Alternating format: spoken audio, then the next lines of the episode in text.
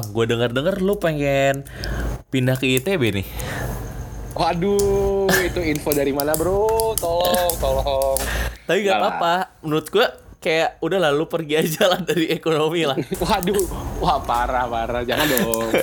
Enggak lah, gua gua emang emang anak IPA asli emang SMA dan teman-teman gua mostly masuk ITB gitu. Tapi bukan berarti gue pengen ikut mereka, karena hati gua ada di FEUI, anjay. Lu yakin? Masih suka sama FEUI? Yakin, yakin. Menyukai FEUI dengan segala kelebihan dan kekurangannya, anjay. Gokil. Gokil, Ke- pars. kelebihannya apa tuh? Cewek-cewek cantik ya?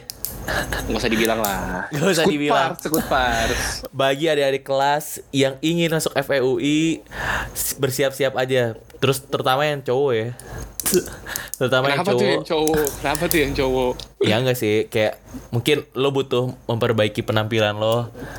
Yoi, Tapi enggak, pars, yang pertama pars. di FEUI itu bukan penampilan, tetap adalah otak, Bro. Betul, betul. Tetap otak. Otak kalian yang tetap dinilai di FEUI terutama. Tapi kayaknya semua FE kayak gitu gak sih?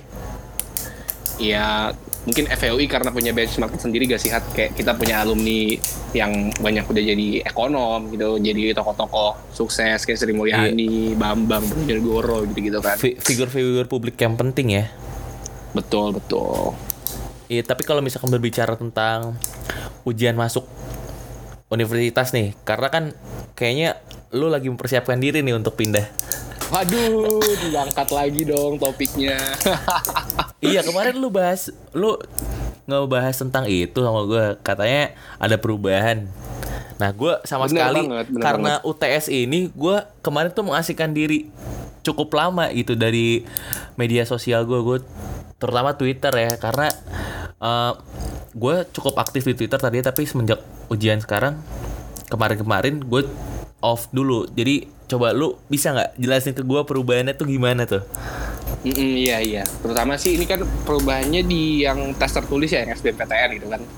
Kalau misalnya SNMPTN gak ada perubahan kayak ya udah kemarin kan orang udah daftar, udah masukin nilai segala macam ya sama aja dan kebetulan nih pas kita tag ini ini tanggal 6 besok tuh tanggal 7 April yang mana pengumuman SNMPTN. Mm-mm.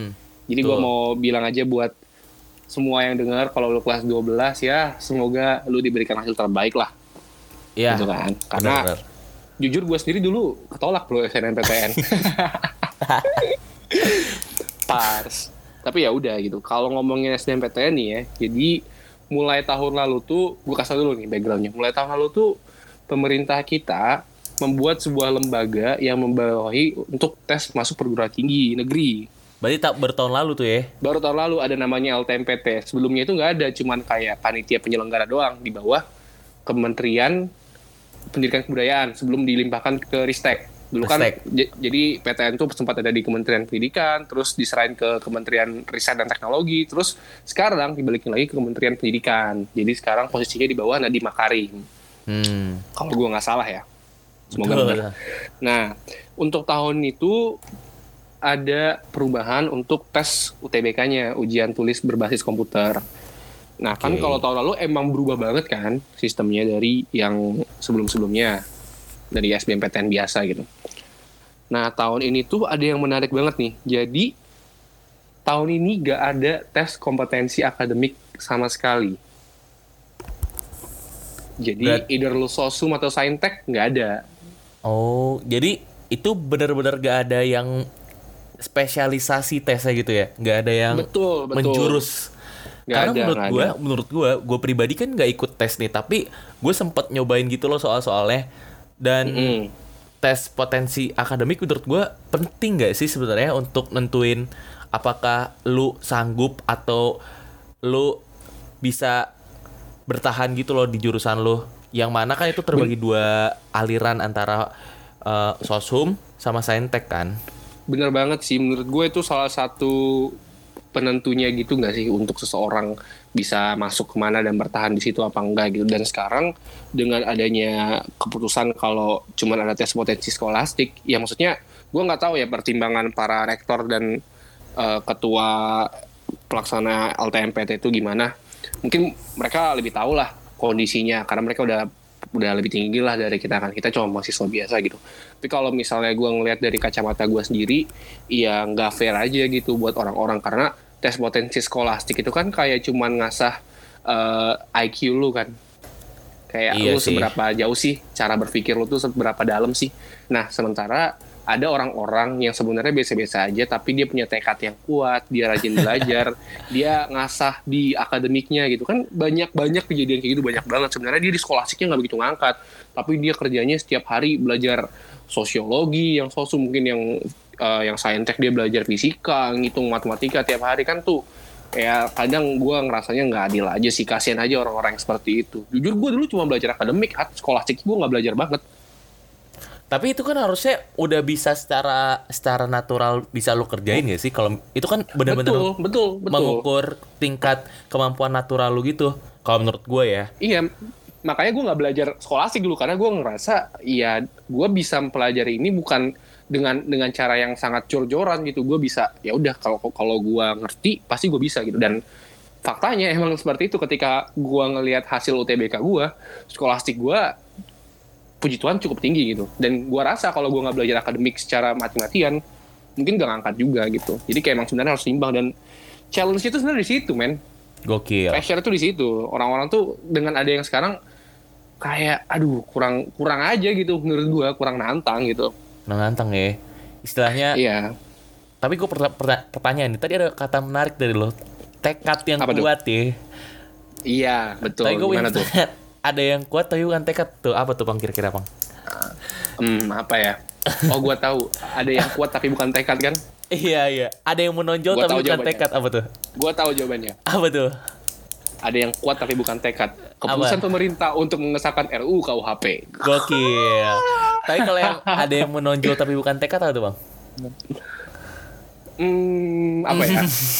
gue gak bisa belokin bro, takutnya gue belokin offside ntar. Jokes kita, Bakat, jangan bakat, lah, bakat. jangan. Maksudnya, maksud gue tuh boleh. bakat, maksud gue tuh bakat. boleh. Kalau dibolekin, kalau dibelokinnya ke situ boleh. Boleh, boleh.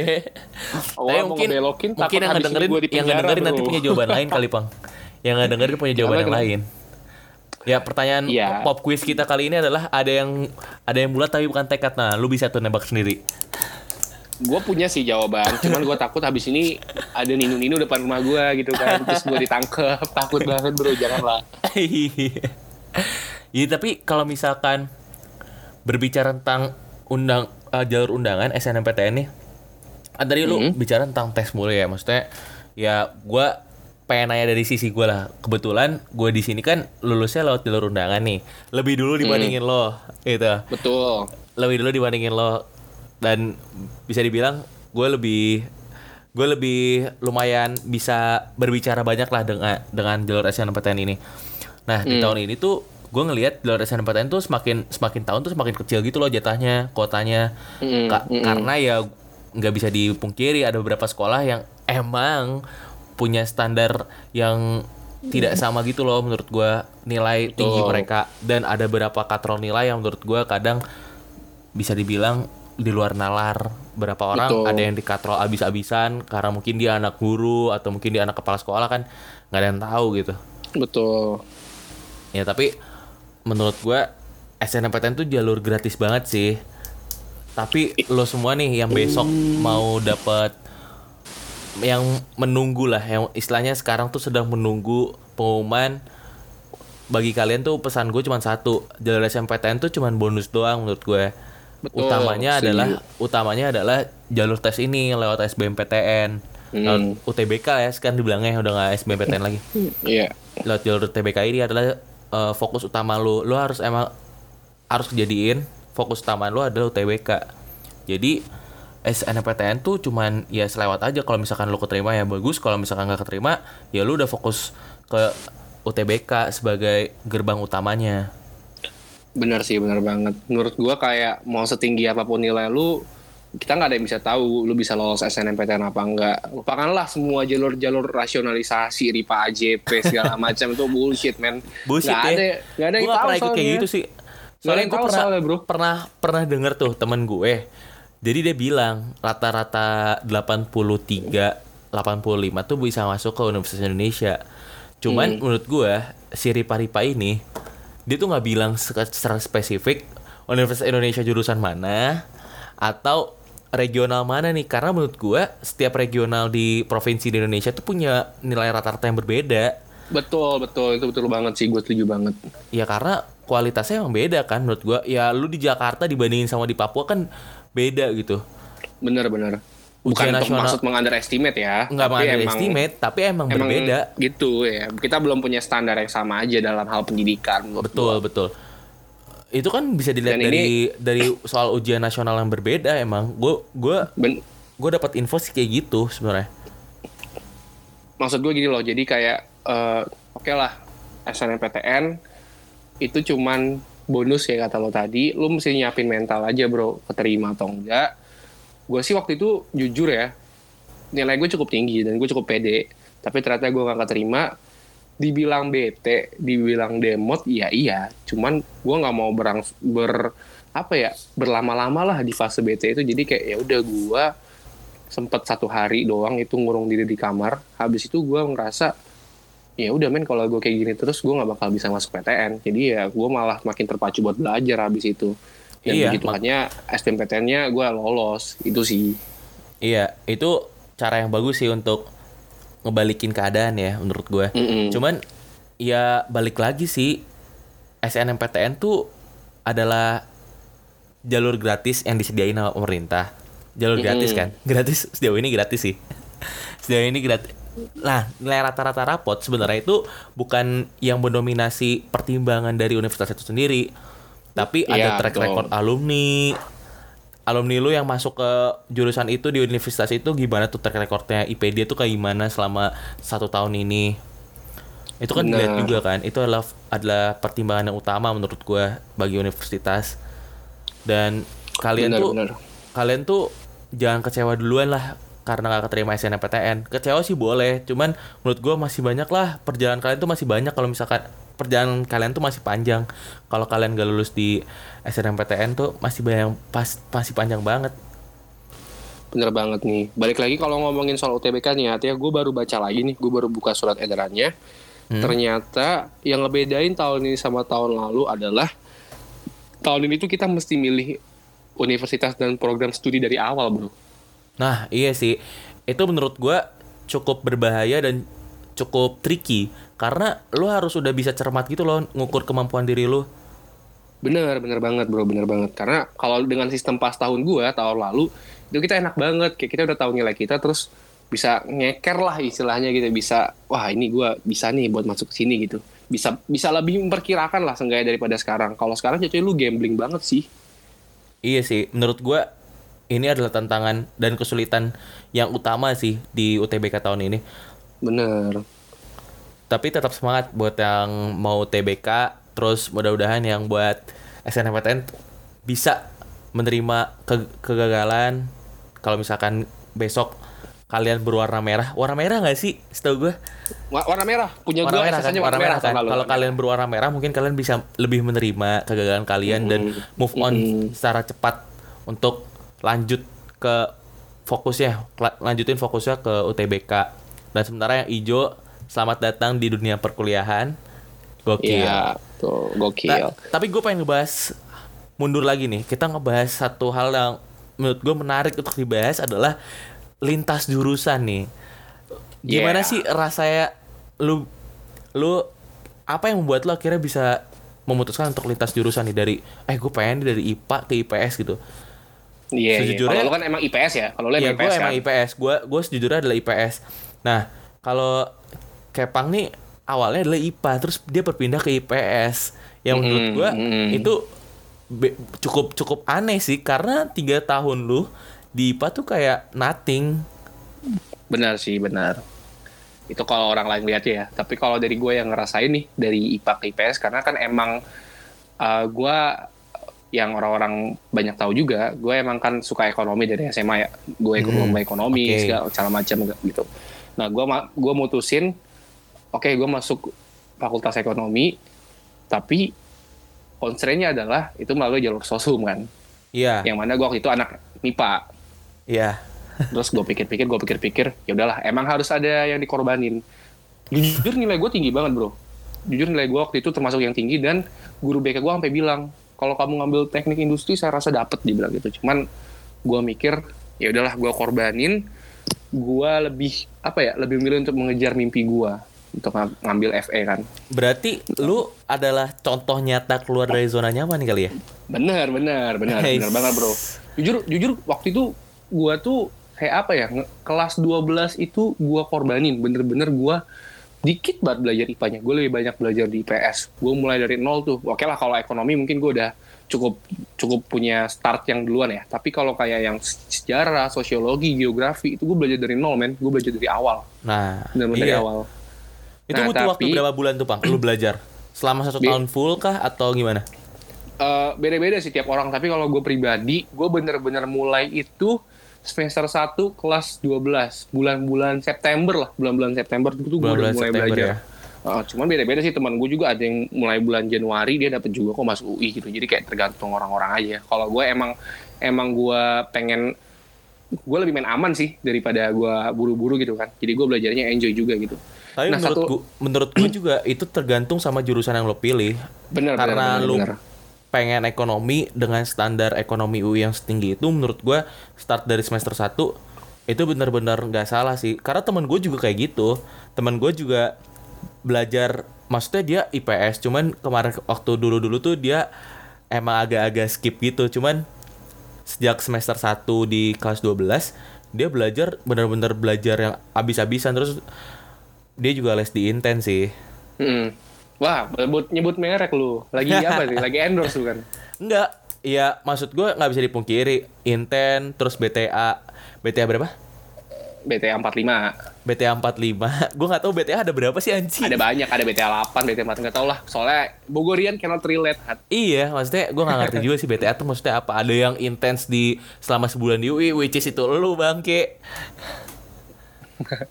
ya beda-beda sih. Tapi menurut gue gini loh eh gue dari IPA nih nyebrang ke IPS Hmm. yang jadi privilege gue adalah gue punya dasar hitung-hitungan yang cukup kuat kan. Ya dan lu Nah. milih jurusan yang hitung-hitungannya juga dibutuhkan cukup kuat kan? Nah benar makanya ketika gue ujian gue ketika gue UTBK itu ketika dilihat hasilnya emang matematika gue tuh bisa dikatakan tinggi lah cukup tinggi. Sangat tinggi sih sebenarnya kalau mau sombong ya. Berapa tuh berapa tuh? Waktu itu gue uh, matematika tuh gue 900-an kalau nggak salah. 900an ya? Itu Ya, benar-benar langka gak sih nilai segitu? benar-benar langka. Gue juga kaget sih karena jujur dari 20 soal gue cuma ngerjain 12 12 ya. Iya. Oke, terus? Nah jadi kayak gimana ya? Menurut gue beda-beda sih tiap orang. Maksudnya gue sadar diri gitu loh. Kalau misalnya sejarah sosiologi dan geografi itu bener-bener gue nggak tahu. Oke lah kalau sejarah gue suka emang gue anaknya suka politik dari lama. Kalau sejarah Indonesia gue masih tahu dikit lah tapi kalau sejarah internasional gue masih baca lagi baca lagi gitu kan. Sosiologi juga gue baca lagi geografi itu yang paling susah sih menurut gue geografi lo mesti paham konsep ada hitungannya juga gitu kan. Makanya iya bener. Geografi Itu- cukup menantang sih. Iya, makanya gue waktu itu mutusin belajar dari awal. Dan yang gue lakuin adalah gue sering ikut try out waktu itu. Nah, itu dia yang terpenting. Menurut gua adalah semua nih buat yang kelas 12 dan yang gap year yang kalian butuhin adalah menguji kemampuan kalian gitu loh. Jadi kalian Betul. tahu kemampuan kalian tuh udah sampai mana dan apa yang harus diperbaikin. Menurut gue tuh itu penting banget. Karena gue juga ngelakuin itu Se- sembari gue menunggu hasil dari SNMPTN gue, gue juga melakukan beberapa evaluasi lewat tryout gitu. Gue ikut tryout sini, tryout sana. Gue ikut berapa ya tryout dari UGM waktu itu. Gue ikut tryout dari UI juga, trofi. Hmm, Terus gue juga ikut tryout dari eh banyak lah banyak tryout yang gue ikutin terus akhirnya tryout tryout Iya. online juga ya tryout online juga gue ikut itu zaman zaman kita tuh gue inget banget zaman zaman kita tuh lagi booming boomingnya tryout online karena sistemnya komputer kan. karena sistemnya komputer dan juga lebih banyak eh karena gratis gak sih Benar. karena ada benar. ada beberapa yang gratis juga kan dan cukup murah kalau misalkan mereka mungut biaya juga nah itu sih kalau misalkan dari lu tips-tipsnya apa aja nih pang untuk ikut UTBK selain tadi ikut banyak tryout terus persiapan yang lebih panjang jangka waktunya apalagi tuh Iya, kok kalau dari gue sih yang paling penting adalah lu mesti tahu kapasitas diri lu, men. kapasitas diri banget. ya Iya, jadi kayak Apalagi misalnya sekarang milih universitas juga di di awal. Iya, jadi kayak misalnya lu merasa kalau gue dulu nih, kan gue nyebrang. Oke, gue ekonomi bisa, matematika gue bisa karena gue dari IPA kan kalau matematika. Iya. Kelemahan gue ada di sejarah, sosiologi, geografi. Nah dari yang tiga ini nih, gue urutin tuh mana menurut gue yang paling susah. Nah, Oke. kalau menurut gue pada satu yang paling susah adalah geografi. Geografi gue taruh di top, terus tengah-tengahnya sejarah karena sejarah itu gue mesti banyak nge-review lagi dan yang terakhir itu sosiologi. Nah itu kelihatan banget tuh gue banyak nge-push di geografi setiap hari gue baca latihan soal, baca latihan soal dan kebukti ketika gue ujian cukup ngangkat geografinya men. Jadi lu mesti tahu dulu kelemahan lu di mana dan itu bisa ngebuat nge- malah ngebantu lu ningkatin nilai lu gitu sih. Oke. Tapi menurut dengan dengan kon ya lu dulu dulu dulu. Eh gue dulu deh ya. Jadi menurut lo gimana nih cara yang paling efektif untuk belajar kan pasti orang tuh pada nanya kan gimana cara nyeci- nyicil pelajaran ya waktu satu tahun tuh menurut gue bisa burn out juga lu belajar terus jadi gimana sih cara lu ngebagi waktu lu belajar karena gue nggak Hmm. merasakan itu jujur sejujurnya Sialan lu ya. Iya. Kalau gimana ya cara belajar efektif tiap orang itu beda-beda nggak sih menurut gua. betul Nah. betul Jadi lu mesti tahu dulu lu nyaman belajar lu tuh gimana. Lu cari cara belajar yang paling efektif yang ketika lu lakukan kegiatan belajar lu langsung bisa dapat materinya. iya sih Nah, kalau gue sih itu dulu orang-orang tuh ngelihatnya gue kalau di sekolah nih teman-teman gue belajar buat UTBK, belajar SDMPTN meskipun mereka saintek, gue kayak main game, tidur, main game, tidur kan. Nah, tapi yang orang-orang nggak tahu adalah ketika di rumah gue memanfaatkan waktu-waktu luang gue buat belajar. Dan itu nggak lama. Maksud gue gini, dibanding lu belajar 2 jam dan lu nggak ngerti, mending mana dengan lu belajar 15 menit tapi lu langsung paham? Tentu mending yang kedua dong mending yang Betul. belajar 15 menit dan langsung paham. Nah itulah yang gue lakukan. Dengan cara apa? Ya gue kalau belajar tuh efektifnya gue baca terus kalau misalnya gue perlu catet gue bakal catet. Nah masalahnya gue adalah tipikal orang yang belajar gue baca terus gue paham udah yang penting gue udah paham aja gitu makanya kalau orang nanya catatan ke gue gue nggak bisa ngasih apa-apa men catatan gue dikit banget dulu sumpah sampai sekarang kuliah juga catatan gue dikit banget ya lu Iya, iya. banyak sekelas sama gue gue hampir tidak pernah mencatat bahkan Iya maksud gue, maksud gue setiap per- personal orang tuh punya cara yang masing-masing kan untuk untuk Betul. efektif belajar. Karena ada yang Betul. orang yang visual, ada yang orang audio, betul ada yang betul. gerakan, kinestetik. Betul. Cara belajar orang tuh beda-beda. Jadi buat orang-orang di luar sana yang terutama kelas 12 nih yang nanya-nanya gimana sih cara caranya belajar dengan baik kak, gimana sih eh, cara lu bisa ngatur waktu bela- antara belajar dan bermain. Ya kalau misalkan untuk cara ngatur waktu antara belajar dan bermain, ya di sini yang dipertaruhkan adalah yang dikorbankan sama lu adalah waktu main lu lah. Lu harus bisa Benar. prioritasin. Belajar prioritas Benar. lah. Itu yang paling gue pelajarin di kuliah juga kepake sebenarnya untuk Benar, benar. memprioritaskan mana nih yang paling yang paling urgent untuk dilakukan, mana yang paling paling remeh temeh untuk dilakukan tuh lo harus coba untuk diklasifikasikan lah, coba untuk di belajar belajar memprioritaskan hal. Gitu Iya, itu sih. penting sih. Itu penting sih menurut gua. Iya. Jadi kayak apalagi udah makin deket kan waktunya ya. Kalau lu mau main, apalagi kan dengan kondisi sekarang lu mau main ke mana men? Nggak bisa kan lu di rumah terus Iya. ya. Makanya Ya udah lah, gua bayakin bayakin belajar lah. bayangin belajar. Belajar sedikit tapi lu paham itu lebih baik dibandingin lu belajar panjang nih. Tapi lu nggak paham apa-apa. Cuman lu Benar. menghafal dong. Nah gue tuh bukan no offense ya gue sama sekali nggak menyukai metode belajar untuk menghafal. Karena menurut gue menghafal tuh mematikan kreativitas. Sementara kalau misalkan lu paham kalau misalkan lu paham lu tuh bisa mengembangkan lebih banyak lagi gitu loh ide-ide Benar-benar. dan variasi-variasi soal juga bisa lu semakin babat abis gitu karena Benar, lu udah punya benar. konsep awalnya kan Bener, itu penting banget sih untuk bisa dapat konsep. Tapi kan dengan kondisi sekarang menurut gua ya bisa dibilang eh, balik lagi kan karena cuma skolastik bakal cenderung lebih gampang. Cuman iya karena itu tadi karena orang-orang mandangnya gampang, ya semua orang bisa mendapatkan nilai sangat tinggi dong. Iya, itu Artinya yang, lu bersaing banget. iya itu yang gue simpulin sih dari yang tadi gue dengar dari lu, sistem dengan sistem seperti ini persaingannya mungkin akan lebih terbuka menurut gue. Betul. Ini bakal ada restrukturisasi orang-orang pinter tuh belum tentu belum tentu lu bisa di atas gitu. Menurut Bener, gue UTBK bener. tuh adalah sebuah bentuk nyata dari keajaiban gak sih? Gue nggak serius serius banyak teman-teman gue yang menurut gue tuh yang gue nggak expect bakalan masuk untuk ke universitas negeri itu tapi masuk dengan dengan dengan kaget dengan keajaiban mereka tuh dapat nilai yang tinggi tinggi banget menurut gue Ya menurut gua nggak nggak murni keajaiban sih mungkin aja mereka effort juga ya. Iya, kita iya. kan nggak tahu effort orang kalau di luar kayak lu mungkin ketemu dia dia santai nongkrong dan tapi di rumah kan kita nggak ada yang tahu nggak ada yang tahu ya nggak ada yang tahu Iya. Cuman intinya adalah yang mau gua sampaikan. eh oh iya satu lagi nih. Jangan lupa kalau yang ikut UTBK itu gak cuma anak kelas 12 doang. nah itu dia yang perlu diperhatikan persaingan Iya. lu tuh sama orang-orang senior di atas lu juga ada Iya. Dan gak cuma yang gap year, yang kuliah juga yang, Yang udah kuliah dapet juga kampus. ada. Gokil. seperti saya. Wah, wah, wah. jadi lu pengen pindah Nah. ke teknik industri ya jadi teman-teman yang di FEUI siap-siap perpisahan farewell party Nggak buat gitu Kiwepang ITB Nggak gitu dong. Nggak gitu maksudnya bukan teknik industri tapi teknik mesin TMD dong. oh Nggak Kenapa lu SDM deh? Tapi lu kayaknya Bercanda, gak cocok pang di Bandung. Udah lah nanti dibahas aja. Kenapa? Lu yang penasaran bagi yang penasaran kenapa kayak pang gak cocok di Bandung? Menurut nanti gue jelasin lah di podcast. Nanti gue spill di podcast episode lain. Boleh, kenapa boleh. dia gak cocok di Bandung? Itu ada pertimbangannya. Boleh, Dan kenapa dia boleh. lebih cocok di UI? Itu ada pertimbangannya. Boleh, ya baik. Eh, jadi biar lebih tegas dan lebih cepat aja kita simpulkan aja ya. Untuk Apa tuh?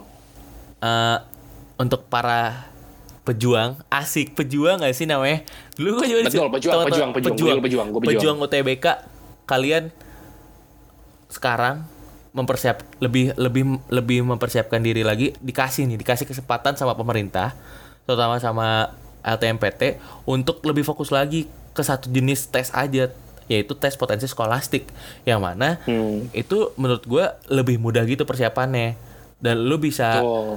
bisa lebih lebih mengeluarkan oh asik lebih mengeluarkan ya pokoknya gitulah Lihat out of words ya, out of words out ya of karena words gue out of saking words gemesnya, saking gemesnya. ya. saking gemesnya karena menurut gue tes potensi skolastik ini adalah sebuah peluang besar bagi pejuang-pejuang UTBK di luar sana Iya, betul sih. ya bagi yang masuk mau sih. masuk FEUI ya incar nilai tinggi tingginya sih kalau bisa 800 ya bang ya Bener, bener. kalau dari lu gimana nih bang Iya, kalau closing statement dari gua sih selamat berjuang. Saingan lo banyak, jangan percaya sama rasionalisasi-rasionalisasi, tapi percaya sama diri lo, percaya sama kemampuan lo, lakukan yang terbaik, dan hasilnya pasti nggak akan mengkhianati usaha lo. iya iya Sen- terakhir, do the best and let God do the rest. ya Jad out Kevin out. Thank you. Oke, thank you. Gokil. gokil, gokil, gokil.